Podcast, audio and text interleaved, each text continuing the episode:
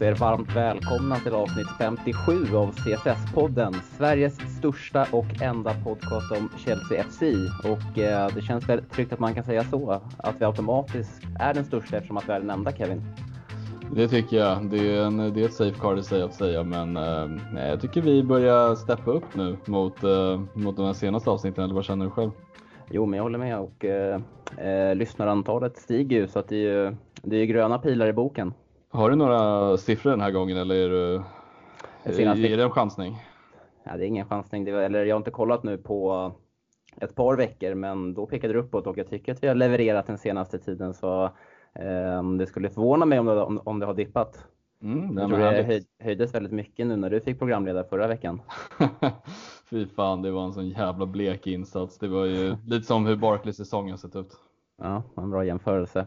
Mm. Eh, men det är ju ett litet specialavsnitt idag eftersom att vi har Fotbollskanalens Tysklands expert Kevin Bader med oss här. Välkommen!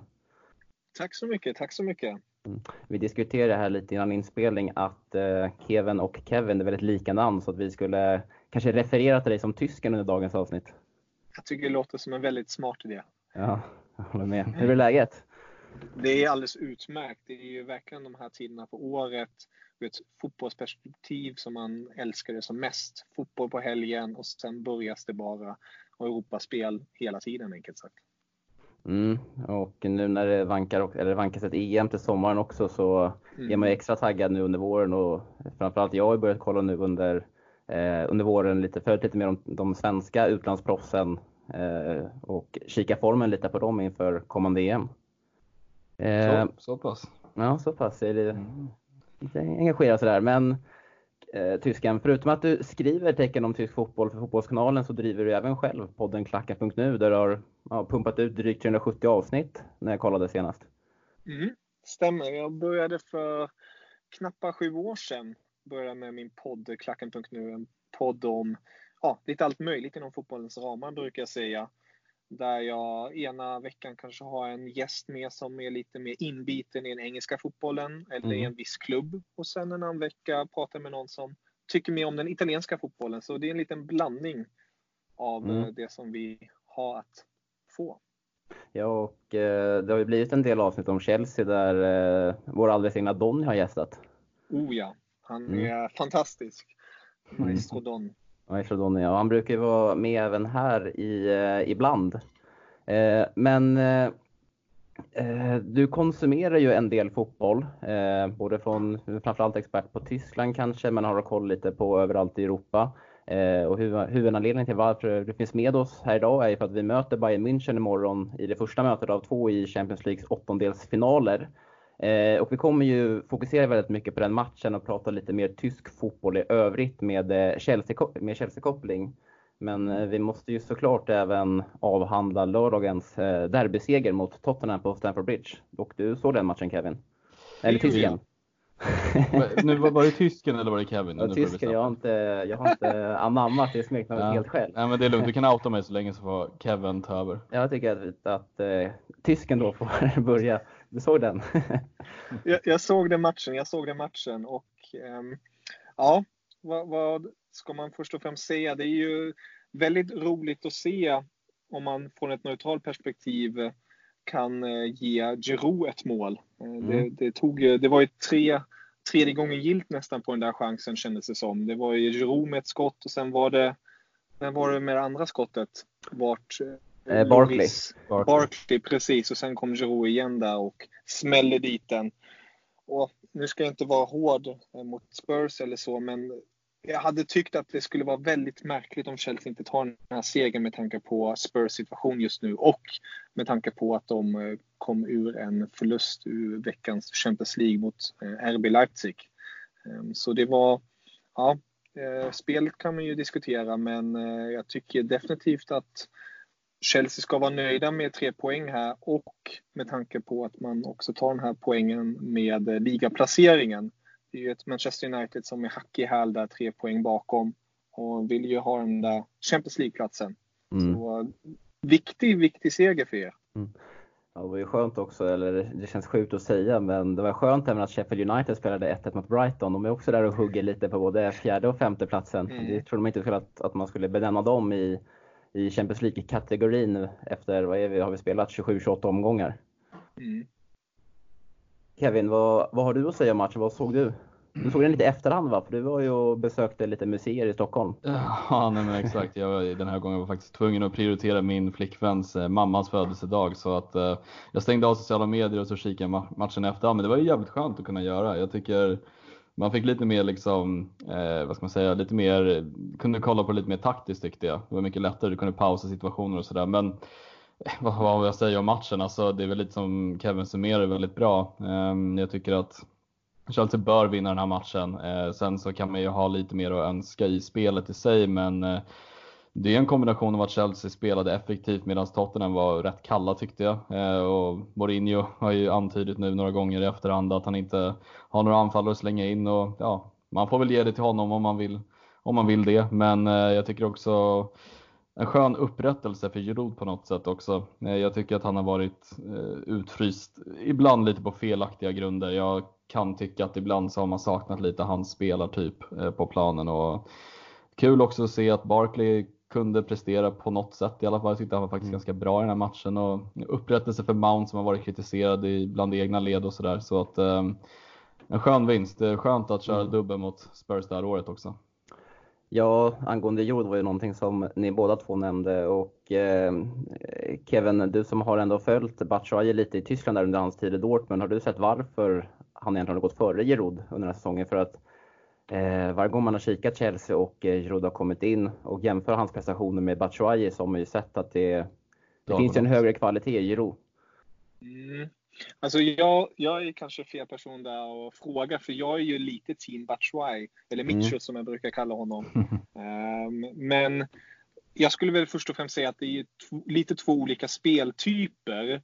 Och jag kan tänka mig ett spel som Chelsea spelar passar en Giroud bättre än en Mitchell. Um, när Mitchell var i Dortmund på lån till exempel så var han helt outstanding för att han passade verkligen in i det spelsystemet. Han var en spelare som löpte djupled, han mötte även mycket boll och kämpade mycket i pressspelet och eh, fick även sina resultat när det kom till att göra mål. Men ja, jag håller med att han inte har levererat det i Chelsea eller någon annanstans sedan sin korta Dortmund-vistelse. Så jag tycker det är lite synd. För att han, mm. jag tycker att han har mer i sig, men han verkar inte få ut det riktigt i Chelsea. Nej, känslan är att han kanske är lite, på något sätt lite odisciplinerad kanske i sina prestationer. Kanske inte är riktigt taktiskt lagd. Kanske behöver kanske ha lite mer fria, en lite friare roll i allmänhet i spelet som kanske gav, som, vilket kanske han fick utrymme för i Dortmund. Mm. Definitivt. Ja, alltså bara tillägga där också. Jag, jag är också lite, alltid varit lite för pro Batshuayi. Jag tycker ju på något sätt att han har ändå spetsegenskaper som jag tycker fungerar väldigt bra. Han är ju extremt bra avslutare med båda fötterna och löper bra i djupled och rätt liksom både snabb och rätt biffig. Sen så tycker jag att han är taktiskt ganska oslipad. Det är väl lite det jag tycker brister ibland att han Ja, alltså ibland så, så han befinner sig lite i konstiga positioner och ibland så är han bara, han är väldigt ojämn i sina prestationer, i alla fall i Chelsea. Att han ena matchen kan vara supereffektiv medan andra matcher så är han totalt iskall. Och, eh, det är synd. Jag tycker, jag önskar att han hade något år kanske önskat att han, att han skulle lyckas i Chelsea, men det är svårt att se en framtid med honom nu i, i föreningen. Jag tror ju personligen att han lämnar i sommar. Eh, så att, eh, får vi se vad vi, vad vi står i för. Vi kommer ju ha Abraham och möjligen så kommer Giroud och Batshuayi lämna så vi får se om det som kommer in. Mm. Eh, ja, Giroud gjorde ju ett mål, han gjorde spräckt i målnollan och eh, han var ju även delaktig i det andra målet. Han nickade ju fram där som en, eh, det blev väl den fjärde passningen till Mount. till en Mount som jag tyckte var ruskigt bra i lördags. Mm. Jag brukar inte hänga, eller brukar, hänga brukar göra, men jag brukar inte skriva så mycket på Twitter efter match. Men jag kände mig faktiskt tvungen där att mm. lägga ut en bild på Mount och höja hans insats Kevin. Ja, nej men exakt. Jag tror väl, var det kanske lite för att du kände att han har fått mycket kritik eller? Nej, jag, eh, ja kanske. Jag känner bara att det Lite undermedvetet att du lägger ut det då? Det är otroligt skönt att han eh, gör en så, bra, en så bra prestation också mot just det motståndet. Ja, nej men jag håller med. Jag, jag personligen la inte ut någon bild, men jag kände ju också att det är väl en liten upprättelse, för jag tycker ju att han har blivit felaktigt kritiserad många gånger. Eh, jag tycker att man har kritiserat honom på felaktiga grunder. Jag tycker att han har bidragit rätt mycket i matcherna med defensivt arbete och försökt på något sätt i alla fall. Sen kanske han inte varit vän med bollen alla gånger, inte bidragit med lika mycket poäng, men man får ju åtanke att han är ung, hans första säsong och allt vad det innebär liksom. Eh, sen så är det ju svårt att upprätthålla en form som han hade i början av säsongen där han liksom öste in mål och poäng. Eh, det är liksom, säger sig självt. Han är ju ung och det är en hel säsong. Vi är liksom inne mot sluttampen eh, nu och det är väl där vi hoppas att han kanske får glänsa lite igen. Mm. Eh, så, nej, han såg ruskigt fin ut. Ja, du och jag diskuterade lite också igår eh, sinsemellan att eh, han kanske funkar, eller han ser ut att funka mycket bättre när han får en lite mer friare roll bakom en anfallare. Att han har presterat mycket mer när vi har kört en 3-4-3 eller en eh, 3-5-2 eller hur man nu väljer att benämna det. Eh, än istället när han blir så här fast, eh, när, när, istället för att han är i den här fasta 10-rollen. Mm. Eh, men det håller jag med om och det tyckte jag man verkligen kunde se i matchen att både Barkley och Mount trivdes rätt bra i de rollerna. Eh, och det är väl lite det som är fördelen med att köra liksom ett, en trebackslinje och sen ha tre, tre vad ska man säga, en, en trio där framme med två stycken släpande bakom. Det funkar ju väldigt bra för alla inblandade. Jag tycker Giroud var också, alltså passade väldigt bra i det. Han var ju rätt van att spela med typ eh, Azard och William vid sin sida och alltid haft vet, de här två snabba yttrarna på kanterna och så är han targeten i mitten och skarv. Han är, man får inte underskatta Giroud heller, det är inte bara en targetspelare. Jag tycker han har extremt bra passningar och skarvningar och spelsinne liksom. Han är ju bra mm. på att lägga upp eh, chanser för andra också. Mm. Och Mason Mount har ju varit en liten vattendelare här den senaste tiden eh, i Chelsea-supporterledet. Vad har du fått för bild av Mason Mount under den här säsongen, tysken?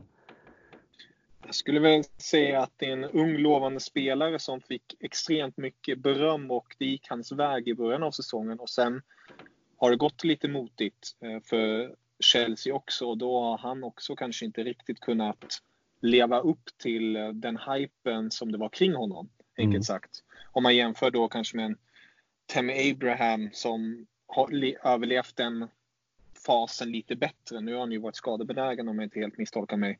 Mm. Uh, och så jag tycker, han är ju 21 år gammal, duktig. Sen är det ju, det är tufft. Det är, det är inte lätt att leverera och bara komma in sådär. Han har ju spelat Derby tidigare, ska ta det här steget till Chelsea och göra det på det här sättet. Så jag kan förstå som Chelsea-supporter, då är man ju, man är ju passionerad. Man vill att spelarna ska leverera och göra det och när de gör det och, in, och sen veckan efter inte gör det, då, blir, då ifrågasätter man och tänker vad fan, vad hände? Du gjorde det innan. Eh, och det ska man ju fortsätta göra, men jag tror man ska vara lite lugn och försiktig. Att man inte ska ta för stora slutsatser för snabbt. Att man bara ska tänka okej, okay, nej, det var inget, hej då. Mm. Eh, så, men det, ja, det, det jag sett tycker jag, tycker jag om honom. Jag är ju personligen väldigt svag för en annan spelare som jag nämnt tidigare och det är Ross Barkley. Eh, alltså, jag, vet, jag vet att han, han, ja, innan han gick till Chelsea spelade Everton till exempel. Jag tyckte alltid att han påminner mig om Michael Ballack, en person ja. Mm. Stor, stark, stadig, bra bössa. Eh, finns någon form av eh, pondus på planen. Men ja, jag, jag förstår varför man också kritiserar honom för hans, han är extremt ojämn. Mm. Men hans toppar, ja, de gillar jag. Mm. Ja, det blev ju lite Chelsea-koppling med Ballack också. Mm. Väldigt fin i Chelsea. Eh, ja, men det är liksom bara, Ross Barkley hade man ju ändå väldigt höga förväntningar på inför den här mm. säsongen. Levererar ju på försäsongen och eh, verkar ju vara en spelartyp, eller verkar vara en spelartyp som Frank Lampard gillar, men som inte riktigt har fått ut det som, eh, eller den kapacitet han verkligen besitter. Han har valt att mm. festa lite och gått lite skadad här och där eh, som har förhindrat hans då, eh, eller den explosion man förutspådde inför säsongen. Eh, men jag tycker innan vi släpper Tottenham-matchen helt fokuserad på den tyska fotbollen så måste man ju kanske ändå nämna Marcos Alonso. Eh, har ju extremt fina spetsegenskaper. Jag blir ändå all, in, lite imponerad av att han kan komma in efter att ha suttit i frys, frysboxen någon månad, komma in och ändå göra en jävligt bra insats. Ja, alltså det, den där människan är lite spännande för att alltså en så egentligen dålig fotbollsspelare som gör det så bra när han kommer in, som du säger efter att ha varit borta ett längre tag. Det är fascinerande hur, hur han alltid också på något sätt är involverad i poäng, alltså med poäng, liksom personliga poäng. Han lyckas ju alltid göra x antal mål och poäng varje säsong. Eh, sen så är han ju liksom jag tycker han har ju haft sina toppar under konten när han var liksom i ett 3-4-3 system och han passar ju superbra i det här systemet också. Lampard spelar mot Tottenham, det är då han fungerar som bäst. Sen så är han ju otroligt svag liksom defensivt, men han överlever ju det på ett sätt när vi har tre eh, centrala mittbackar som kan hjälpa till där bak. Eh, men eh, nej, alltså jag är ju ruskigt, ruskigt imponerad över hans vänsterfot. Alltså det, alltså du såg väl hans frispark också i kryssribban där? Ja, absolut.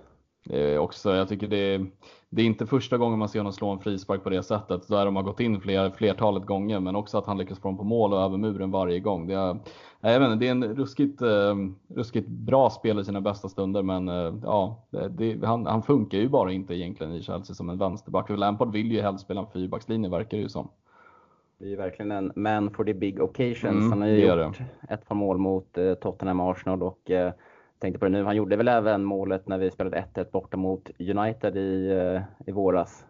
Där i, slut, i slutet av den första halvleken om jag inte minns det. helt fel. Mm. Eh, ja men det som du säger, det är sjukt att, att han är så katastrofalt dålig bakåt. Alltså, han kan ju inte göra någonting på egen planhalva förutom att kanske stå lite rätt på hörner. Man har mm. mycket bollar som går bort, men när han väl får komma eh, brunkandes där längs vänsterkanten och gå på skott så är han ju eh, riktigt nyttig. Men också att han, han är ju så fruktansvärt dålig på att filma. Har du tänkt på det? Alltså han filmar väldigt ofta men han gör det på ett så dåligt sätt. Alltså det ser så B ut varje gång. Han får ju inte det med sig det någon gång heller. Nej, jag har faktiskt inte tänkt på det. Är det någonting som du har tänkt på, tysken? Nej, inte, inte filmningar faktiskt. Eh, men eh, ja, jag håller med till stor del med just hans defensiva, om man ska vara snäll, i lite eh, svårigheter. Mm. Eh, men det blev ju ändå eh, sjukt onödigt spännande mot slutet och i alla fall jag vågade inte kolla direkt. De gjorde 2-1. Jag stängde av tvn, gick ut mot köket, satte mig eh, runt bordet och spammade Twitter, eller så här, uppdaterade som fan. Inga tävlingsnerver på dig inte? Nej, men det hade varit så himla typiskt Chelsea den här säsongen ifall man hade lyckats släppa in ett ytterligare. Mm. Men sen är man ju alltid när man kör med eh, Viaplay så är man ju alltid någon minut efter. Så när Chelsea-korna skrev där på Twitter att eh, full time 2-1 då satt man på tvn och fick se de sista 45-30 sekunderna i alla fall och kunde fira med laget efteråt. Ja, eh, sen eh, också, när vi snackade lite om det i början av den här säsongen, så när vi snackade lite rivaliteter mellan lag och så vidare, så har jag, har jag alltid haft eh, väldigt svårt för Arsenal. Men fan, den senaste tiden så är jag ändå eh, fortfarande lika svårt för Arsenal. Men det känns ändå som att Tottenham fan är på väg att eh, gå om Arsenal, i alla fall i min personliga rivalitet. Mm. Ja, det... nej, alltså för mig, jag håller ju fortfarande Spurs och Liverpool. Det är väl de två jag har svårast för. Um, Arsenal, ja, alltså. Jag känner mig inte så jävla hotad av Arsenal på, på ett sätt ändå. Alltså det, det har ju gått som det har gått för dem i, i de här senaste åren, så jag vet inte, för mig är det inte samma typ av liksom hatkänsla mot dem. Men just Spurs och Liverpool, det är en, ja, det är en jävla nagel i ögat. Jag gillar inte dem. Har du något lag i England som du verkligen inte klarar av? Kevin, tysken? ja, många namn nu. Mm. um, lag som jag inte klarar av. Eller, eller i Tyskland kanske?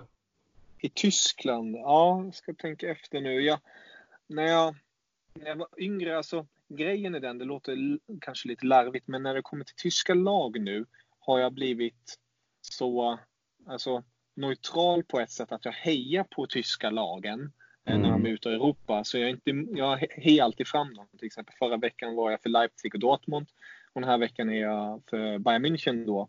Um, för att jag på något sätt vill att den tyska fotbollen ska frodas och att det ska gå bra för den. Men när man tittar på specifika lag. Jag vet att jag hade lite svårt för Arsenal när jag var yngre. När det mm. kom till England. Mm. Det, det, var någonting där. Jag, jag, kunde inte riktigt peka på vad det är. Men det har nu tynat bort med tiden. Om man säger så. Det är inte så att jag har något jag var också personligen, eh, kanske inte så passande här i den här podden, men jag var personligen ett stort United-fan när jag var liten, när det kom till eh, engelska lag. Men det var mer av, märkte jag i efterhand, jag var inget kanske för United-fan, jag var mer av ett Sir Alex United-fan. Mm. Jag var stort fan till Sir Alex då och när han försvann då försvann också lite av passionen och känslorna kring den klubben. Så nu är jag lite mer neutral när det kommer till den engelska fotbollen och det är ju också gott på ett sätt. För då, då ja, kommer inte känslorna på samma sätt. Då kan man spara dem till eh, när det tyska landslaget spelar.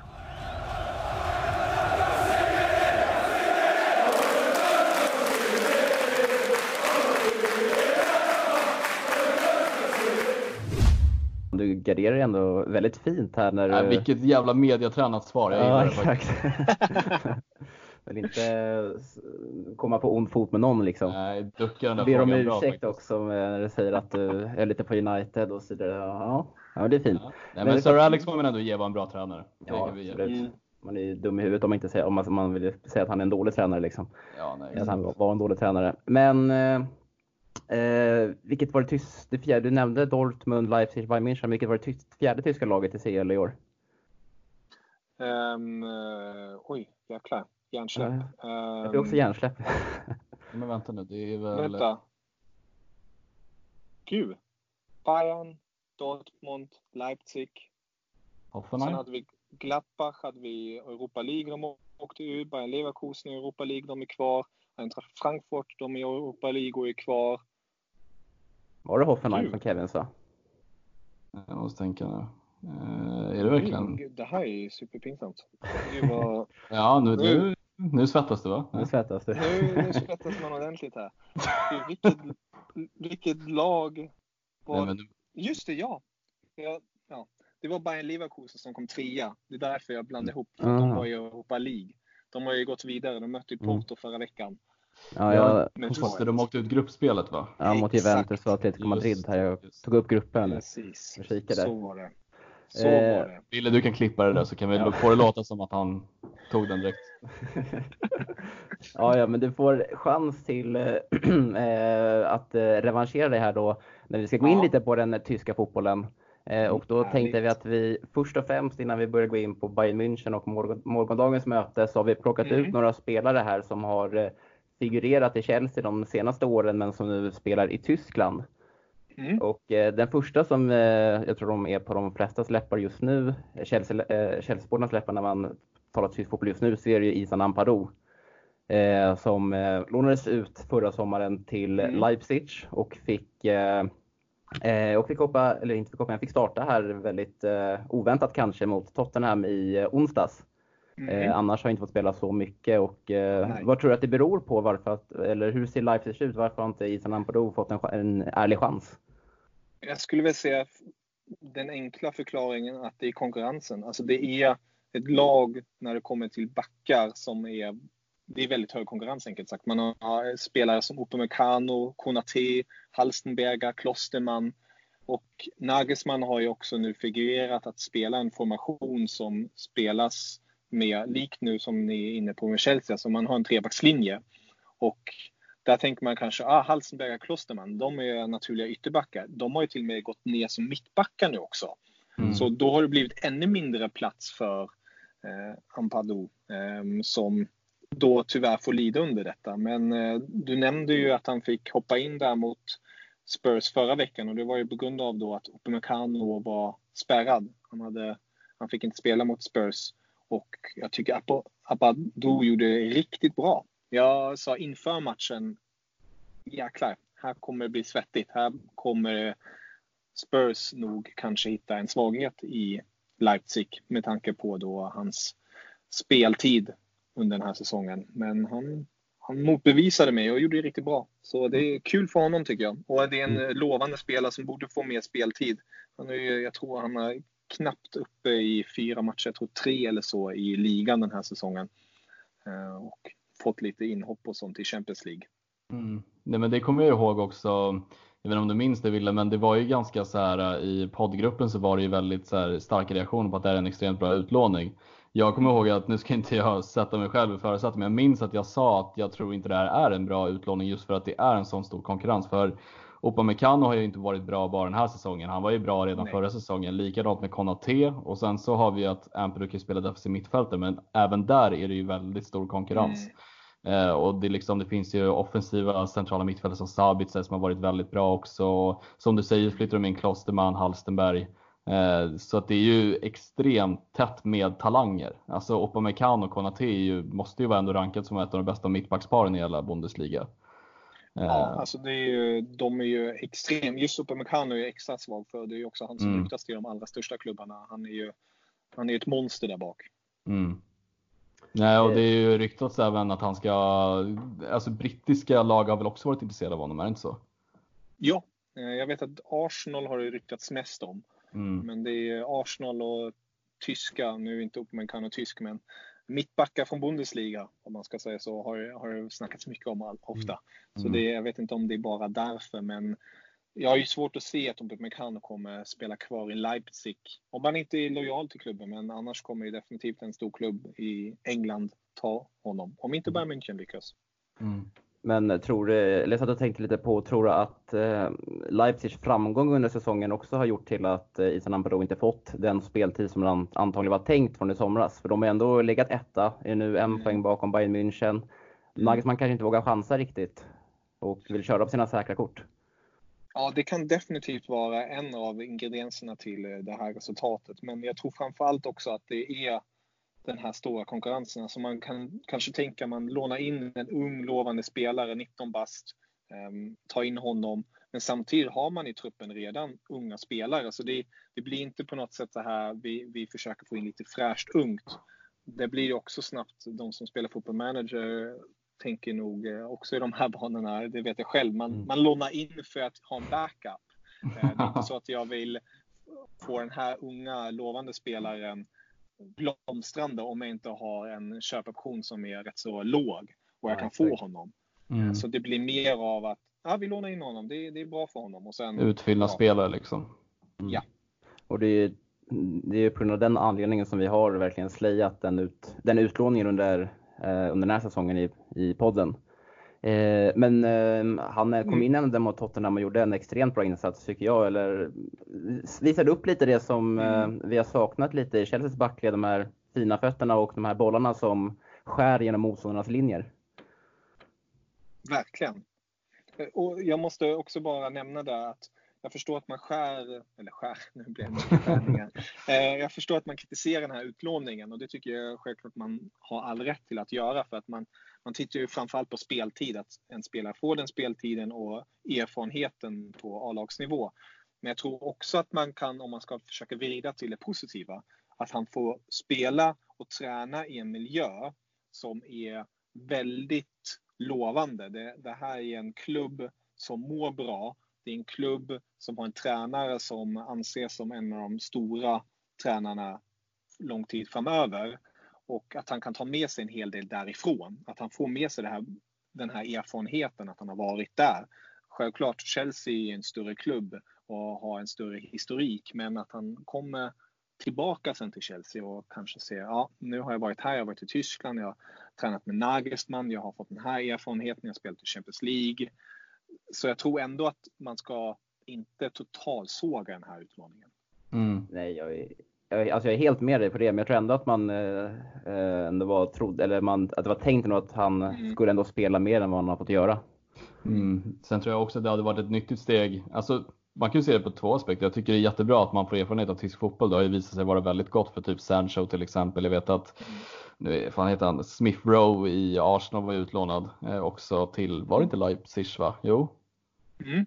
Eh, och sen så är det ju ja, andra brittiska talanger som verkligen har tagit chansen och pratat väldigt gott om Tyskland. Eh, sen så å andra sidan kanske man hade mått bra av att lånat ut honom till ett lag i serien som kanske låg längre ner eller Championship också för att bygga på sig lite. Det är, det är lite hur man väljer att se det, men han har ju fått väldigt bra fötter och jag tycker att hade han bra fötter innan så tror jag att han kommer ha ännu bättre fötter nu när han är tillbaka efter säsongen. Men jag bara tänkte på en sak i Leipzig när vi ändå snackar om dem. Eh, hur nära tror du egentligen, alltså hur realistiskt tror du att det kan vara för Turbo-Tim att komma till eh, Chelsea eller Liverpool eller är det liksom Real Madrid som är i förarsätet där?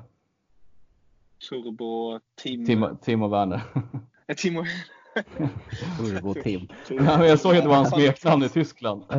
Ja, jag blev, bara chockad. Jag bara, var inte beredd på den. Ja, ehm, till, eh, till Chelsea.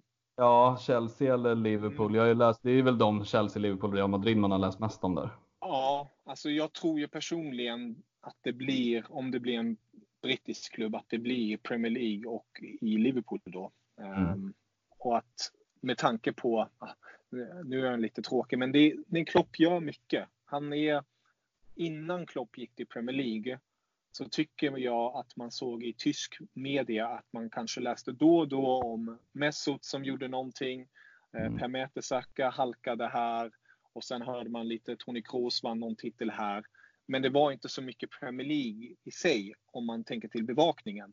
Men med Klopp och hans intåg där har den brittiska fotbollen öppnats upp på ett helt annat sätt i Tyskland. Mm. Och jag tror definitivt att det lockar Timo Werner. Och en extra sak till där är ju också spelstilen som Liverpool spelar. Ehm, de spelar väldigt likt RB Leipzigs spelstil och där gynnas Timo Werner väldigt mycket och det är därför han har haft en sån otrolig säsong som han har haft den här säsongen. Mm. Så du menar alltså att eh, de tyska skribenterna inte höjde på ögonbrynen när André Schürrle kom till Chelsea för några, för några år sedan? Nej, inte riktigt, inte riktigt. Det var ju Mikael Ballack där, då var det också bevakning lite mer. För Ballack är ju en stor profil inom tysk fotboll. Eh, så där fanns det ju lite mer skriverier, men Klopp har ju verkligen lyft den brittiska fotbollen i Tyskland till en helt ny nivå. Ja, jag fattar.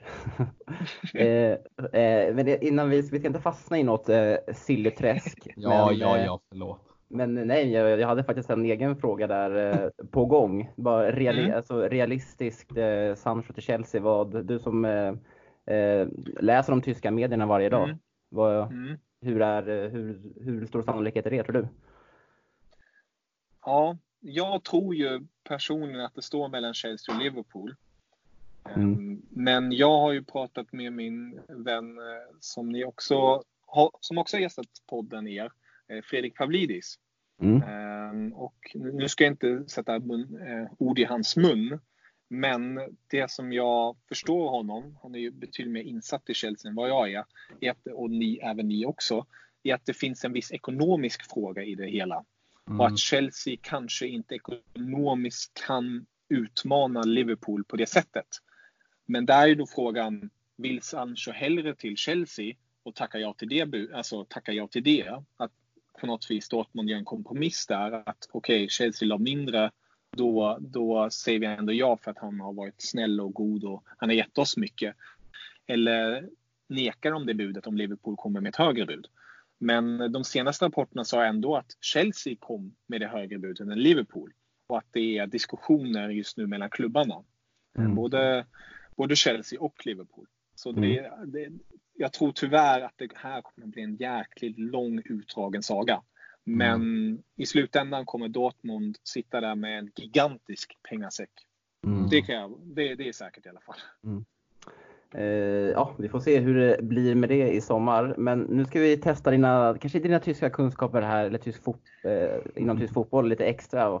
Eh, för om jag säger två namn här, Clinton Mola och Daishan Redan, vad säger du då Kevin? Eller tysken? Clinton Mola och Daishan Redan, vad säger jag då? Daishan Redan. Daishan Redan. Daishan Redan. Den borde, den borde du sätta. Den tycker jag du borde sätta. Redan i alla fall. Gud, jag, jag är så dålig när jag hör namn och inte ser stavningen framför mig. Mm. Du säger en, som eh, en blind säger, höna. När vi säger en brittisk ytter som anlänt till Hertha Berlin. Förra, vad blir det, i somras va? I somras. Dejan Redan. Dejan, ah. Dejan Redan. Dejan Redan. Jag, jag, jag, är, jag är ledsen, jag blir, mm. jag blir blank när jag inte ser namn framför mig. Jag är... Ja, det är ingen fara. Men vi tänkte bara för att det är två spelare, två ungdomsspelare från Chelsea som har äntrat eh, Bundesliga nu i somras och, och i januari. Ja, i Zweite. Mm. Eh, Clinton Mola i Stuttgart där, en defensiv mittfältare. Och det är ju spelare som Chelsea då har sålt till de här lagen. Det är inte mm. några vars kontrakt har gått ut. Utan då satt jag och Ken tänkte bara att då är det väl troligt nog att eh, eh, Chelsea ändå kan sitta på någon form av eh, återköpsklausul på de här spelarna. Och Clinton Mola har ju gått till Stuttgart i Schweiz Bundesliga, mm. mitt, med reservation för mitt Snyggt. uttal där. Mm. Ja, tack. och Stuttgart, vad, hur, har du bra koll på det laget? Stuttgart? Ja. Ja, det skulle Känns som ett jojo-lag mellan ligorna andra ja, alltså det, är egentligen, det är egentligen en klassisk Bundesliga-klubb, men som tyvärr på grund av lite, ja, det klassiska uppe i ledningen, att det inte satsas på rätt sätt och mm. eh, får det tufft ekonomiskt och lite sportsliga, ska man säga, mot stridigheter har inte lyckats. Men nu är de verkligen på uppgång igen och det är ju de tillsammans med HSV inför säsongen som var stora favoriter att kliva upp till Bundesliga igen. Mm.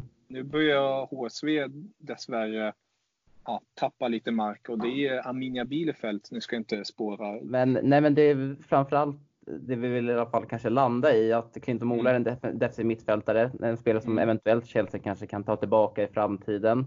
Mm. Eh, tror han kan slå sig in på det där mittfältet? För jag har gjort lite min läxa här och kollat att han har fått mm. göra ett par inhopp i februari i alla mm. fall. Ja, det positiva är ju till den positionen är ju att eh, Santiago Ascabar, ursäkta mitt uttal, argentinaren har gått från Stuttgart, alltså deras unga lovande mittfältsmotor, har gått från Stuttgart till Hertha Berlin nu i januarifönstret. Och det öppnar ju då upp för en måla i då mittfältet.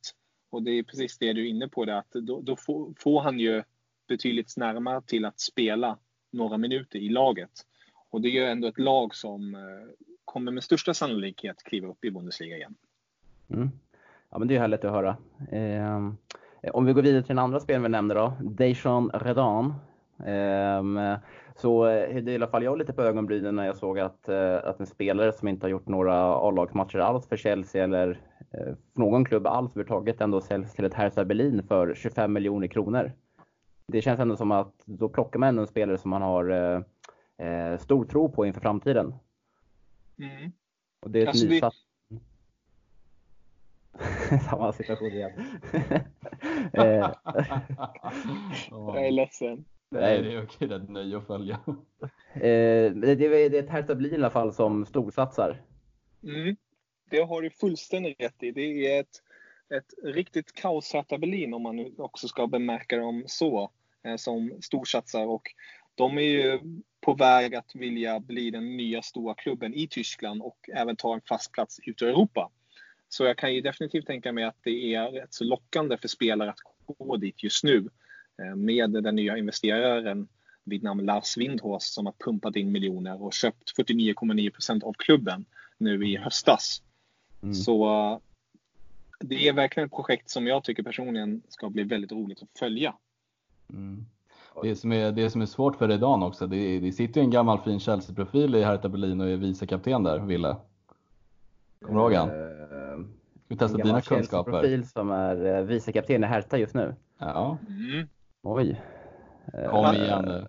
Han, han ryktades faktiskt till West Ham i januarifönstret för att han, han får inte lika mycket speltid längre. En gammal Chelsea-profil som är... Kom igen, ytter slash anfallare slash Ja, ja, ja, ja. Eh, kan det vara eh, Cash, Kalom, eh, Cash Salmon Kalou? Ja, ja, ja, exakt. Yes. Ja, ja, såklart. Eh, han heter, han heter, han heter, typ, han heter väl Money, Moneyman Kalou eller någonting på Instagram. Han gillar pengar den grabben. Nej, men på tal om Hertha nu vi snackar om det, de har ju väldigt intressant lag också. Jag mm. tänker på, fick in Piontek. De har ju, mm. jag kommer ihåg, eh, jag som spelar en del FM, jag vet att Niklas Stark verkar ju vara väldigt högt eh, rankad i Tyskland. Mm. Och sen så som du sa, nu vågar jag inte sätta argentinernas uttal mittfältare, men från Stuttgart, han ska ju också vara en mm. väldigt bra talang. Så har de ju Ibsevic och de har ju tagit in väldigt intressanta spelare. Arne Meyer ska väl också vara en väldigt talangfull mittfältare. Stämmer bra det, stämmer bra det lite större byggd, stark. Mm. Eh, men har också haft det lite tufft nu med skador. Men det, det, du är helt rätt på det. Alltså, Hertha Berlin gjorde ju rekordfönster. De värvade ju för mest pengar i hela världen.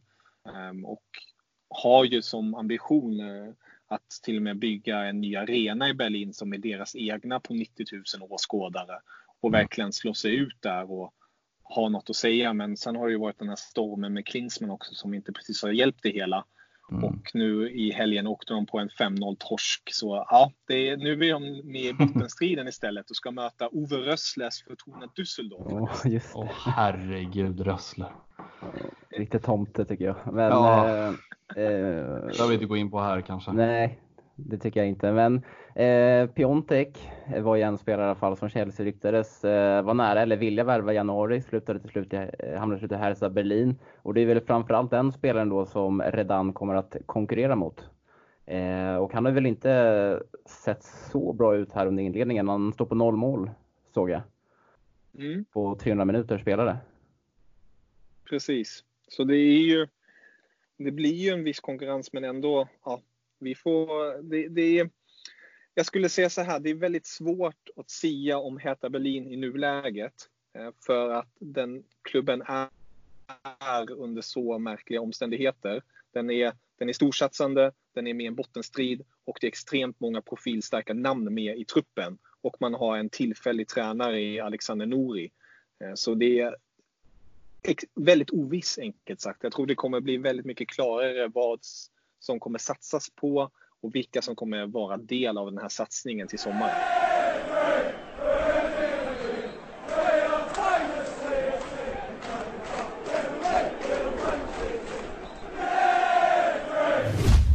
Ja, men alltså, ni har lyssnat på en liten jingel här då så vi diskuterat lite att eh, vi tycker inte att det känns så bra att kalla Kevin för tysken. Det kändes lite generaliserande tyckte vi så att eh, vi döper om honom, om honom nu till hans mellannamn James alltså.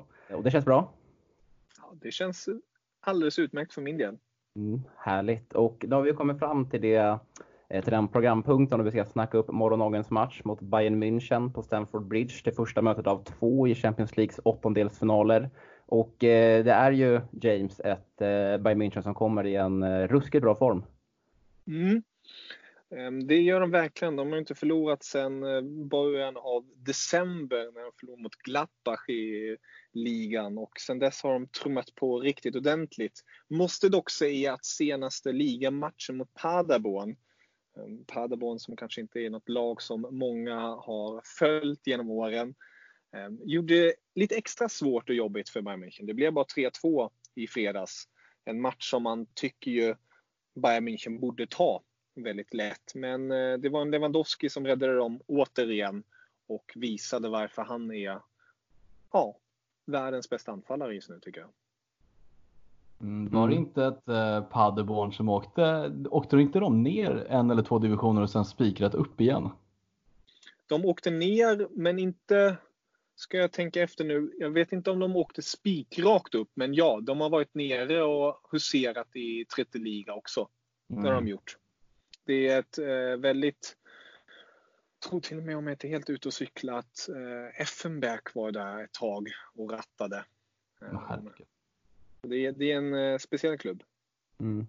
Eh, men du sa ju, du nämnde att de hade inte förlorat sedan i början av december och Eh, bara eh, ett par veckor innan det så, hade de gjort, så gjorde de det här tränarbytet att de ersatte Niko Kovac med eh, Flick.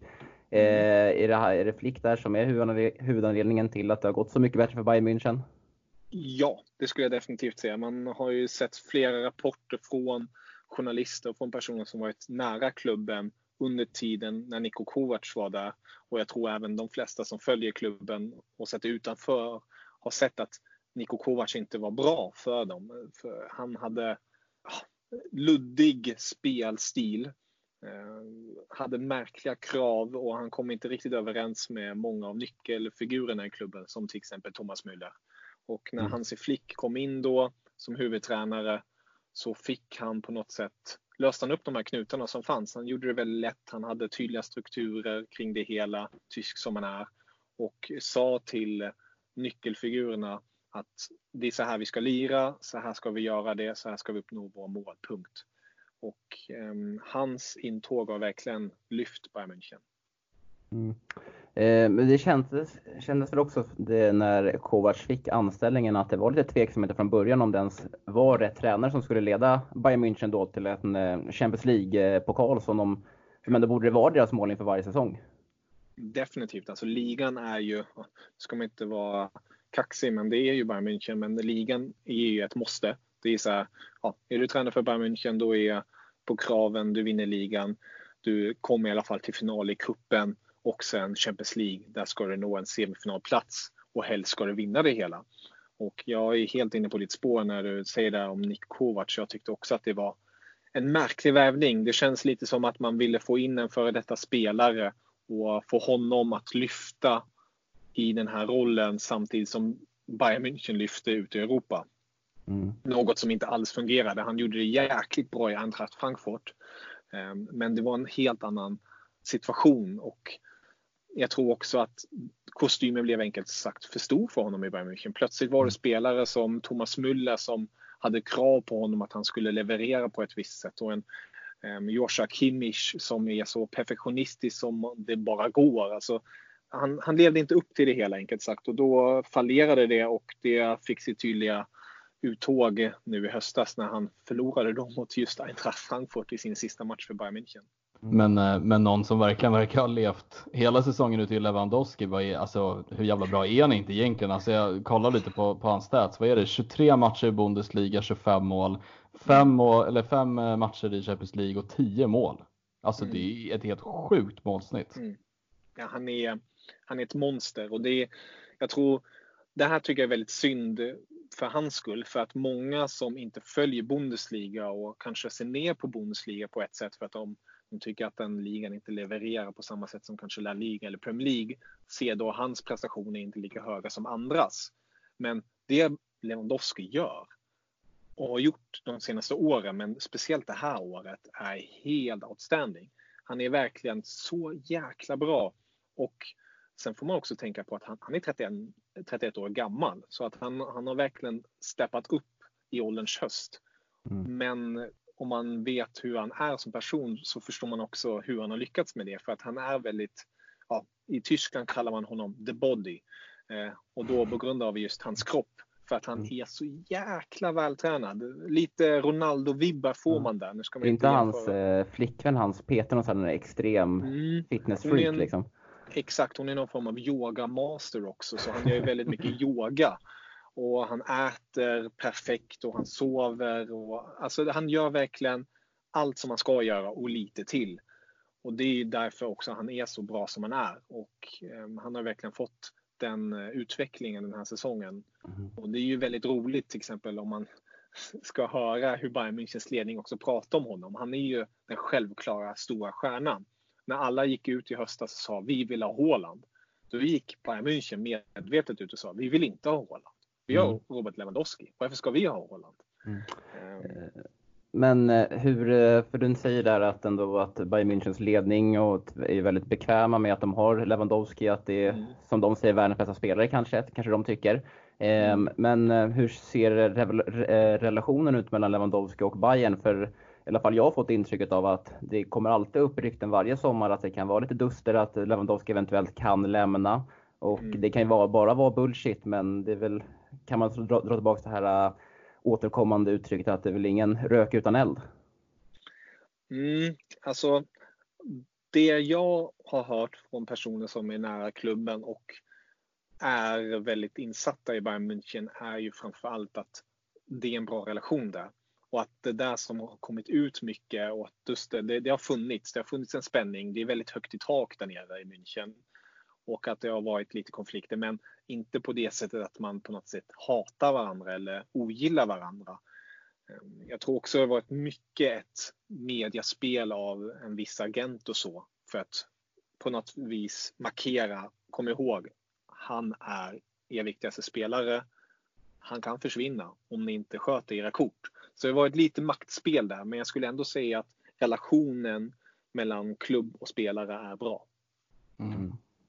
Men jag tänkte på, om vi snackar lite spelare Bayern München. Jag eh, personligen satt och kollade på, nu var det Bayern München mot Leipzig tror jag det var. Mm. och då fick jag ju verkligen upp ögonen för Alfonso Davis. Mm. Alltså, det, det jag såg av honom det, den matchen, alltså det, det är ju helt sinnessjukt bra tycker jag också. Jag minns ju honom, han var väldigt upphausad i, i USA när han spelade för Vancouver tror jag det var och där var han ju någon typ form av vänsterytter liksom slash winger på något sätt. Och nu spelar han ju vänsterback i Bayern München och gör det vad jag fattar det som fantastiskt bra. Jag såg hans snabbhet till exempel i någon löpdel mot Daniel Olmo när han tog liksom igen 30 meter på några sekunder. Det är, hur bra är han egentligen? Han har verkligen växlat upp. Han är riktigt duktig just nu och det har, ska man säga, både gott och ont har det varit för honom för att tanken som det har varit sagts utåt att han ska vara en form av arvtagare till Alaba. Nu är det inte så att Alaba är gammal eller lastgammal, han är 27 bast. Men att Davis skulle skolas om från ytter till vänsterback, precis som du är inne på det. Var det tanken från början? Det var tanken från början när, man, när han kom till klubben. Att då var det på grund av att man hade yttrar i Koman och Gnabry. De mm. skulle man framförallt satsa på och sen skulle man få in en Leroy Sané. Så då skulle han inte få så mycket speltid. Och man såg på styrkor som skulle kunna göra honom till en stark ytterback. Men den här processen skulle ta mycket längre tid. Alltså man skulle vänta med det, att skola in honom långsamt och försiktigt.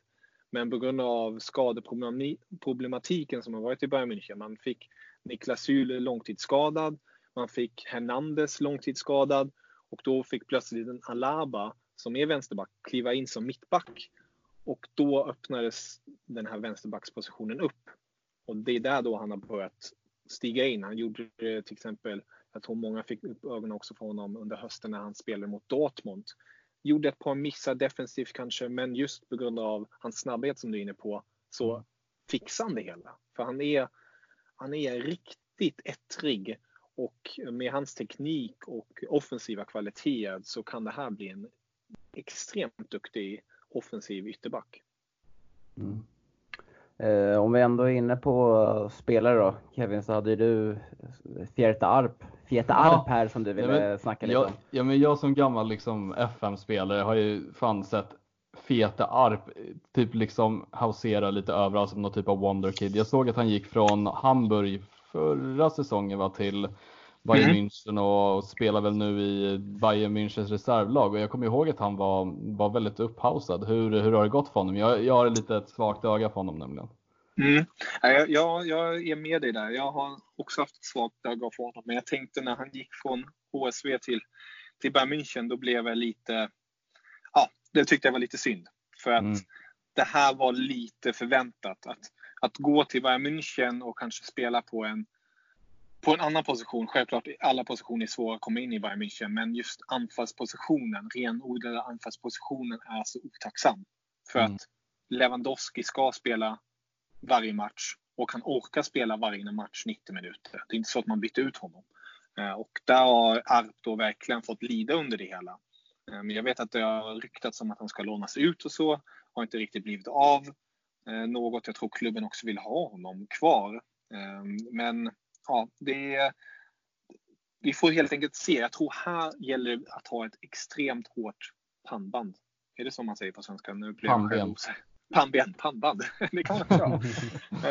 eh, pannben, hårt, eh, pannben. Eh, för att ska han gå igenom den här så kallade eh, Eh, stormen av att inte få spela, ska han träna hårt och visa upp sig så kanske han lyckas komma i, i slutet av vägen in i en, ett Bayern München och spela lite mer. Men ja, nej, det ser inte så ljust ut för honom. Jag skulle varmt rekommendera honom att kanske ta ett lån härnäst. Mm.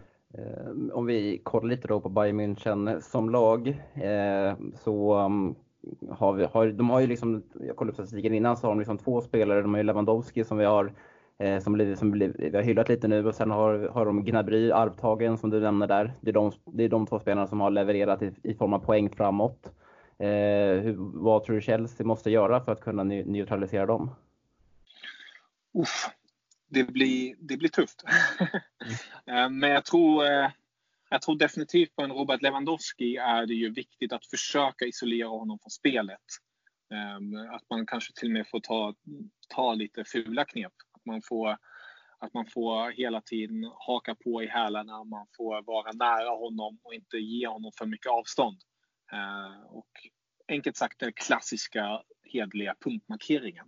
Få mm. bort honom från spelet. För får man bort Lewandowski från spelet så har man vunnit rätt så mycket när det kommer till att eh, skadegöra Bayern Münchens offensiv.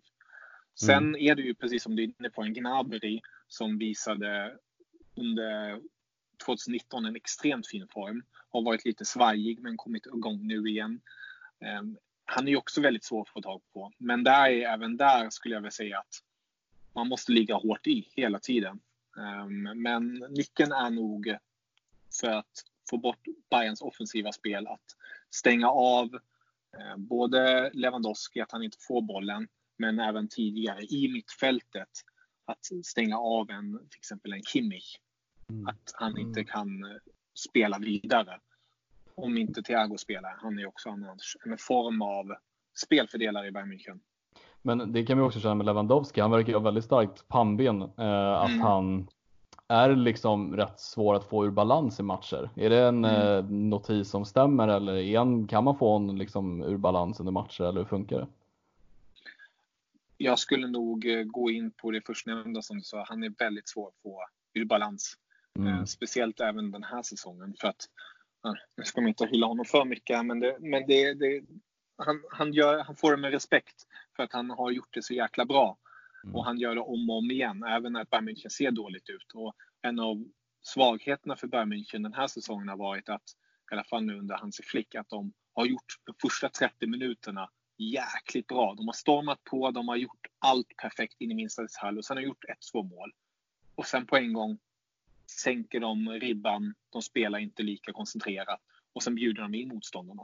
Så har det sett ut i vissa matcher när de har tappat, tappat in ett par baljer. Mm. Och där tror jag är kanske viktigaste för Chelseas del. Överlev den första halvleken utan att Bayern München gör mål. Och då kan man försöka på något vis bita sig in mer och mer i matchen. Nu, nu, nu menar jag inte på att Chelsea på Stamford Bridge ska vika ner sig och spela defensivt, men man måste vara extremt vaksam de första 20 till 30 minuterna mot Bayern München. Mm. Eh, absolut, och vi väver in en eh, fråga här då från Donny. Eh, så han, ju, han har ju undrat lite här om Bayern Münchens svagheter och nämner där att de har en väldigt hög intensitet första 30 minuter, mm. första halvleken och sen kanske blir lite okoncentrerade. Mm. Eh, finns det några, ser du några andra sätt hur Chelsea kan såra dem? Jag tänker framförallt i, i, i, i, i offensiv väg för Chelsea, inte mm. försvarsmässigt. Definitivt. Alltså det som eh, Bayern Münchens stora svaghet är ju försvarsspelet den här säsongen. Det är ju på grund av att de inte har spelat med första backlinjen om man nu ska kalla det så, första linan. Alltså Niklas Sule är fortfarande borta. Nu har Hernandez kommit tillbaka men man märkte väldigt tydligt mot till exempel Paderborn att han inte alls är uppe i så här riktigt matchtempo i den formen eller den nivån som man förväntar sig av honom. Så att hota mittbackarna är eh, A och O. Att försöka hitta de där insticken. För de ligger rätt så högt upp. Och det såg man till exempel mot Dortmund och sett mot andra lag också. Gladbach gjorde det. Jag vet att Werder Bremen gjorde också det. Alltså, försöka utmana de där mittbackarna. Om nu till exempel en Alaba spelar eller en, en Hernandez. Alltså det, det, det är ingen riktig hundraprocentig, nu drar jag United-paralleller, Vidic Ferdinand eh, symbios där, om man säger så. Mm. Så där skulle jag definitivt säga är svagheten. Och sen uh, beror det ju på hur de ställer upp nu. Alltså kommer de spela med en Davis som vänsterback eller kommer de eh, spela med Hernandez som vänsterback och ta in, det är det som är väldigt speciellt nu i Münchens läge. De har backar som kan spela på alla positioner. Man har Pavad som kan spela högerback med mittback. Man har eh, även en Kimmich som kan spela högerback men framförallt nu spelar som mittfältare för att man vill ha hans kvalitet där uppe. Sen har man Alaba som kan spela mittback och vänsterback. Så det är väldigt mycket rotation där enkelt sagt. Eh, men jag skulle väl säga framförallt hota det centrala försvaret. Det är där svagheten är just nu för Bayern Münchens del. Kanske en Giroud som får stångas där, skarva vidare i djupled och sen eh, hittar man luckan där och stänker dit den bakom mannen Neuer. Ja, fan, det känns ju inte optimalt då att eh, alla Chelsea-spelare, våra bästa spelare, en mot en, tänker kanske på en Callum Hudson-Odoi och en eh, Pulisic att båda de går skadade och troligtvis missar den här matchen. Mm. Om det är ändå vi ska in där och hota och utmana det här uh, mittbacksparet som du nämnde. Du kan vara lugn, vi har Barkley. Ja, det är lugnt. Han kan skjuta lite. Ja. uh, jag har en liten uh, fråga, om jag får flika in. Sure. Eller, uh, jag tänkte på Coman. Uh, mm. Ådrog inte han sig en till knäskada? Fan, är han tillbaka redan? Han är tillbaka redan. Han är vad, tillbaka. Han... Vad var det för skada? Vet du det? Ja, det var någon mindre form av knäskada om jag förstod det mm. rätt. Alltså det var inget, han har ju varit med om mycket allvarligare. Han var ju till med, det var en period när han, ja, en av hans många, men eh, jag tror under sommaren kom det ut någonting att han, han sa om jag åker på en till sån här skada då, då ligger eh, exiten till karriären rätt så nära till hans. Mm. Så att han, var, han var väldigt nere om man säger så. Men han är ju jäkla vad duktig han är när han ja, får vara skadefri. Herregud. Ja, det är just därför jag frågar för väldigt svagt öga för Coman också när jag satt honom i franska landslaget och i Bayern mm. München. Alltså hur snabb han är. Alltså på mm. liksom rycka ifrån spelarna och liksom tekniken i kombination. Det är också en mm. fantastiskt bra spelare. Mm. Det har ju varit hans signum på något sätt. Alltså, man vet att Koman kommer rycka innan, inne i straffområdet eller precis utanför. Kommer komma förbi sin gubbe. Antingen får han en frispark med sig, hörna med sig eller ett farligt läge in i straffområdet. Så att han är ju han är ständigt farlig. Mm. Det som han har dock varit lite sämre på är just den här sista delen, att, att spela fram spelarna. Alltså, hans passningsfot har inte alltid varit den bästa. Mm. Det är där han får slipa på, på skillsen. Mm. Ehm, det kanske blir lite spretigt nu, men du nämnde när vi in, i inledningen av det här segmentet att eh, som Bayern München-tränare eller Bayern München överlag ska helst eh, vinna Champions League. Mm. Eh, varför har man inte gjort det de senaste åren? Man har inte varit, ens varit i en final sedan eh, 12-13 mm. blir det väl när man vann mot mm. Dortmund. Mm. Vad, har, vad har hänt?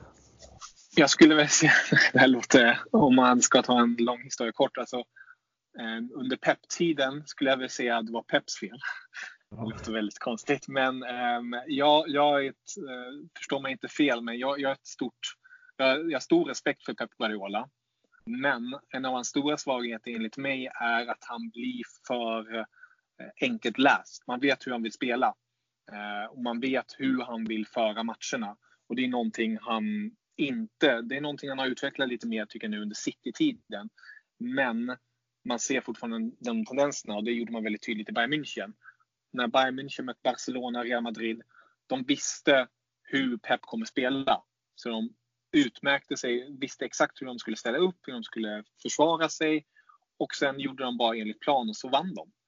Och de var för lättlästa Bayern München. Och det tycker jag har varit deras stora svaghet under Pep Guardiola. Att de, de trummade upp till kvartsfinal och semifinal och gjorde det jävligt bra. Men sen det där sista steget när man måste kanske överraska med någonting eller så, då har de inte lyckats med det. Ehm, det är under pepperan då, men sen därefter har det varit, alltså både skador och ja, enkelt sagt, man har haft det här skiftet. Alltså en Frank Ribéry och Arjen Robben som sjukt nog, trots hög ålder, var en av nyckelspelarna. Eh, hade kanske inte den toppnivån längre i sig och var kanske skadebenägna. Så blev det även där att man inte på något sätt kunde leverera den spetskvaliteten som behövdes för att nå hela vägen. Så jag mm. skulle väl säga att en kombination av eh, skiftning av eh, spelare, alltså generationsskiftning och av coaching framförallt. Eh, om man eh, lyckas ta sig förbi då, det svåraste hindret på vägen, Chelsea nu då i åttondelsfinalen, tror, tror man kan gå hela vägen? I år tror jag verkligen det. I år, alltså, jag har ju de, de stora favoriterna som jag har sagt inför säsongen är Juventus. Jag tycker att Juventus har alla ingredienser att vinna hela Champions League. De har rutinen, de har bredden på truppen, de har dock haft lite skadebenägenhet. Men sen har de även spetskvaliteten och en galen Ronaldo. Eh, och det är där jag ser är det stora hotet för Bayern München. Men all respekt till de andra klubbarna. Jag tycker, jag, jag tycker mig se brister som Bayern München klarar av. Och nu, nu ska jag inte måla upp Bayern München som det glamorösa laget som inte har några brister alls. De har också sina brister. Men jag tycker ändå mig att ser man till Bayern München och nu när de också börjar få tillbaka spelare, vilken jäkla trupp de har. Alltså, nu har de inte levererat på toppnivå, men att man till exempel kan slänga in en Coutinho, att man eh, kan heter det, rotera. Ska man ha Thomas Müller inne? Eller ska man ha en Gnabry inne? Eller ska man ha en Thiago inne? Eller ska man ha en Tolisso inne? Eller ska man ha en Goretzka inne? Det här är så här landslagsspelare i alla sina länder som är en och samma klubb.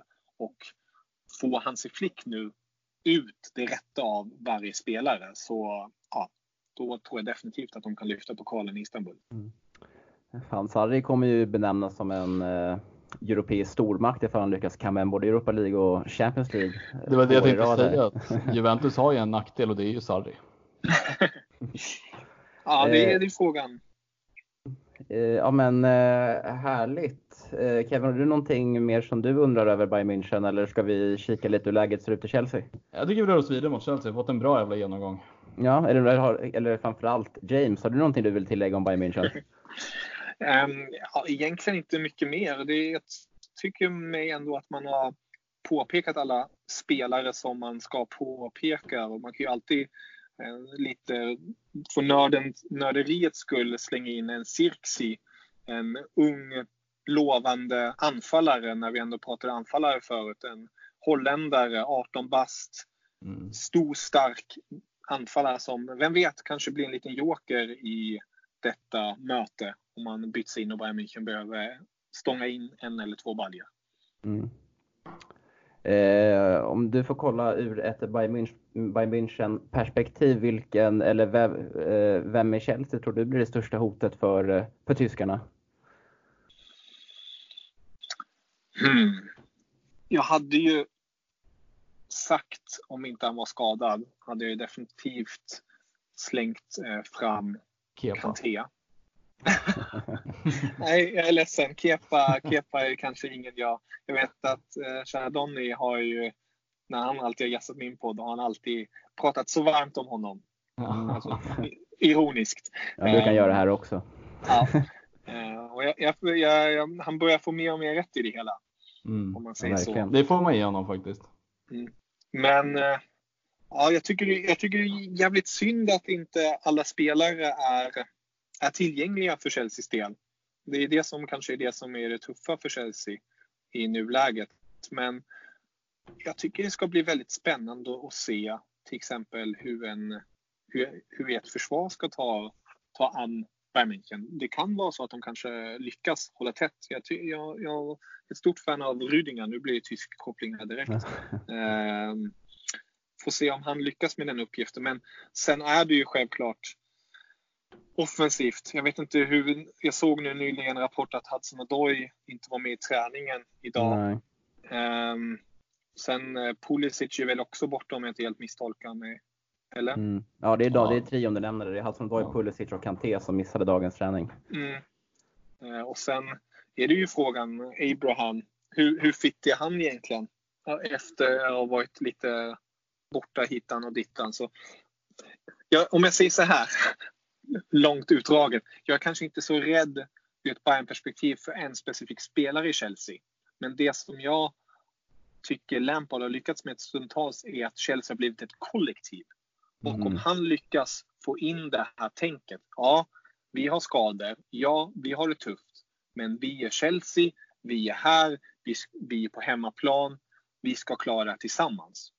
Då tror jag Bayern München kan få det väldigt svårt. För det är nog Chelseas styrka i den här matchen. Att på något sätt, det låter väldigt klyschigt, men, men på något sätt få det här kollektiva i sig. Att, att lyckas mot Bayern München, jobba som ett lag ordentligt och inte att någon enskild spelare ska glänsa och stänka dit den.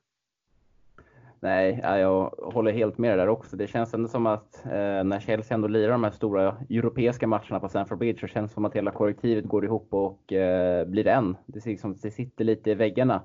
Mm. eh, på Stamford Bridge. Men såklart så är det ju ändå ett, eh, tre, ja, i alla fall ett väldigt stort avbräck. Och det är ju Kanté Kevin.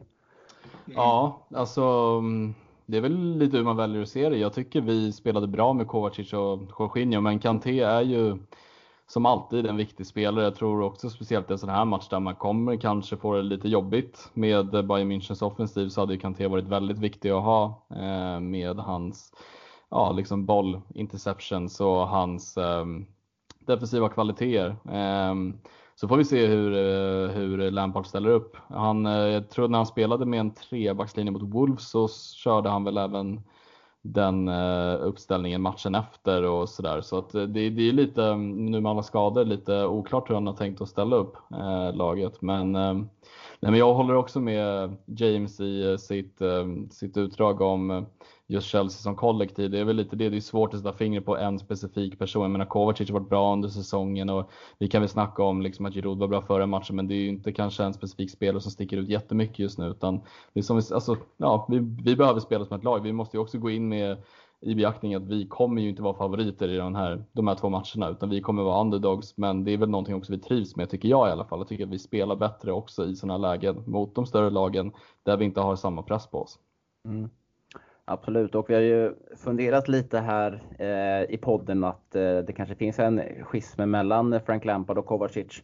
Eh, men det känns väl ändå som att den är lite, kan vara lite bortblåst med tanke på att eh, Frank Lampard håller, håller presskonferens vilken sekund som helst. Vi sitter och spelar in här med start 17.30 och då är det ju Kovacic som han har eh, valt att ta med sig till presskonferensen. Mm. Får vi hoppas att det inte är någonting mellan dem. Jag personligen skrev ju en artikel på Svenska fans där jag verkligen hyllar honom för att jag tycker att han har, i mångt och mycket tycker jag att han har varit bland de bästa spelarna den här säsongen och för mig är det lite märkligt att han har fått sitta bänk så många gånger som han faktiskt har fått gjort för jag tycker nästan, vi snackade ju du och jag om det, att det, det är väl någon match man kommer ihåg som han har varit lite sämre. Sen tycker jag att han har varit stabil och även det, utöver det har han varit väldigt bra i matcherna. Jag tycker att han är liksom en, en i särklass mittfältare vi inte har så många av. Jag tycker att han kan liksom föra upp boll som ingen annan kan. Jag tycker att han kan bryta boll som kanske inte alla kan i, liksom ett, liksom i en samling av samma spelare och det tycker jag är rätt unikt att ha. Eh, så jag tror, jag vågar inte peka ut Kovacic som kanske enskild spelare och akta sig för om man skulle vara Bayern München. Men det är en spelare som jag tror att de kanske kan få jobbigt med. Jag hoppas att han kan göra livet jobbigt för Bayern München. Mm, väldigt nyttig eh, för det här Chelsea. Eh, men eh, som du var lite inne på där så när vi piskade dit eh, vargarna med eh, 5-2 så valde ju Frank Lampard att eh, fortsätta köra på den formationen, alltså en 3-4-3 3-5-2. Eh, hur eh, tror du att Chelsea kommer ställa upp imorgon? Kommer man köra vidare på det eller återgår man till den här 4-2-3-1? Alltså det är ju så ruskigt svårt med Lampard. Han, han skiftar ju lite när det väl behövs. Eh, och eh, Får jag gå på magkänslan så tror jag att han känner liksom att den här vinsten var viktig. Vi spelade bättre än vad vi gjort tidigare. Jag tror och hoppas på att han håller vid den här trebackslinjen för Ska man hålla koll på Lewandowski så behöver vi säkra med en 3 5 backslinje där jag tycker att man kan punkta honom på ett sätt och liksom vara ännu närmare. Jag tänker Rydiger mot Lewandowski ska bli en jävligt intressant duell. Um, så jag tror att de kommer köra vidare på det. Sen tror jag också, det har varit lite snack om Caballero eller Kepa. Jag tror att Caballero kommer fortfarande stå. Jag tror att vi kommer ha ish samma elva. Möjligen att man kanske skiftar någon mittback eller någon i anfallstrion. Men jag tror att i mångt och tycker tror jag att det kommer vara samma lag. Ehm, jag tror att han jag tror att det är ett bra lag också. Jag menar Alonso, vi kan prata om hans brister, men han har rutin. Rydiger har rutin. Giroud har verkligen rutin. Det är någonting jag tror är väldigt viktigt för en sån här match, för det här är en stor match. Det här är inte matcher som Abraham har spelat och inte Mount heller för den delen. Så jag tror att rutin är väldigt viktigt i den här matchen. Ja, med tanke på skadeläget också så känns det väl ändå som att han kommer eh, köra vidare med den, med den elvan. Mm. Um, Vad tror vi på Bayern München då för elva? Ja, James. Ja, vad det, tror du själva? Det blir, jag tror, hmm, den är svår. Speciellt där med försvaret för... Vad kör de för uppställning generellt? Det, jag gissar, gissar på att det blir en eh, klassisk 4-3-3. Mm. Eh, om inte han kör 4-2-3-1. Eh, om man vill få in Thomas Müller på ett sätt där. Mm. som en form av släpande.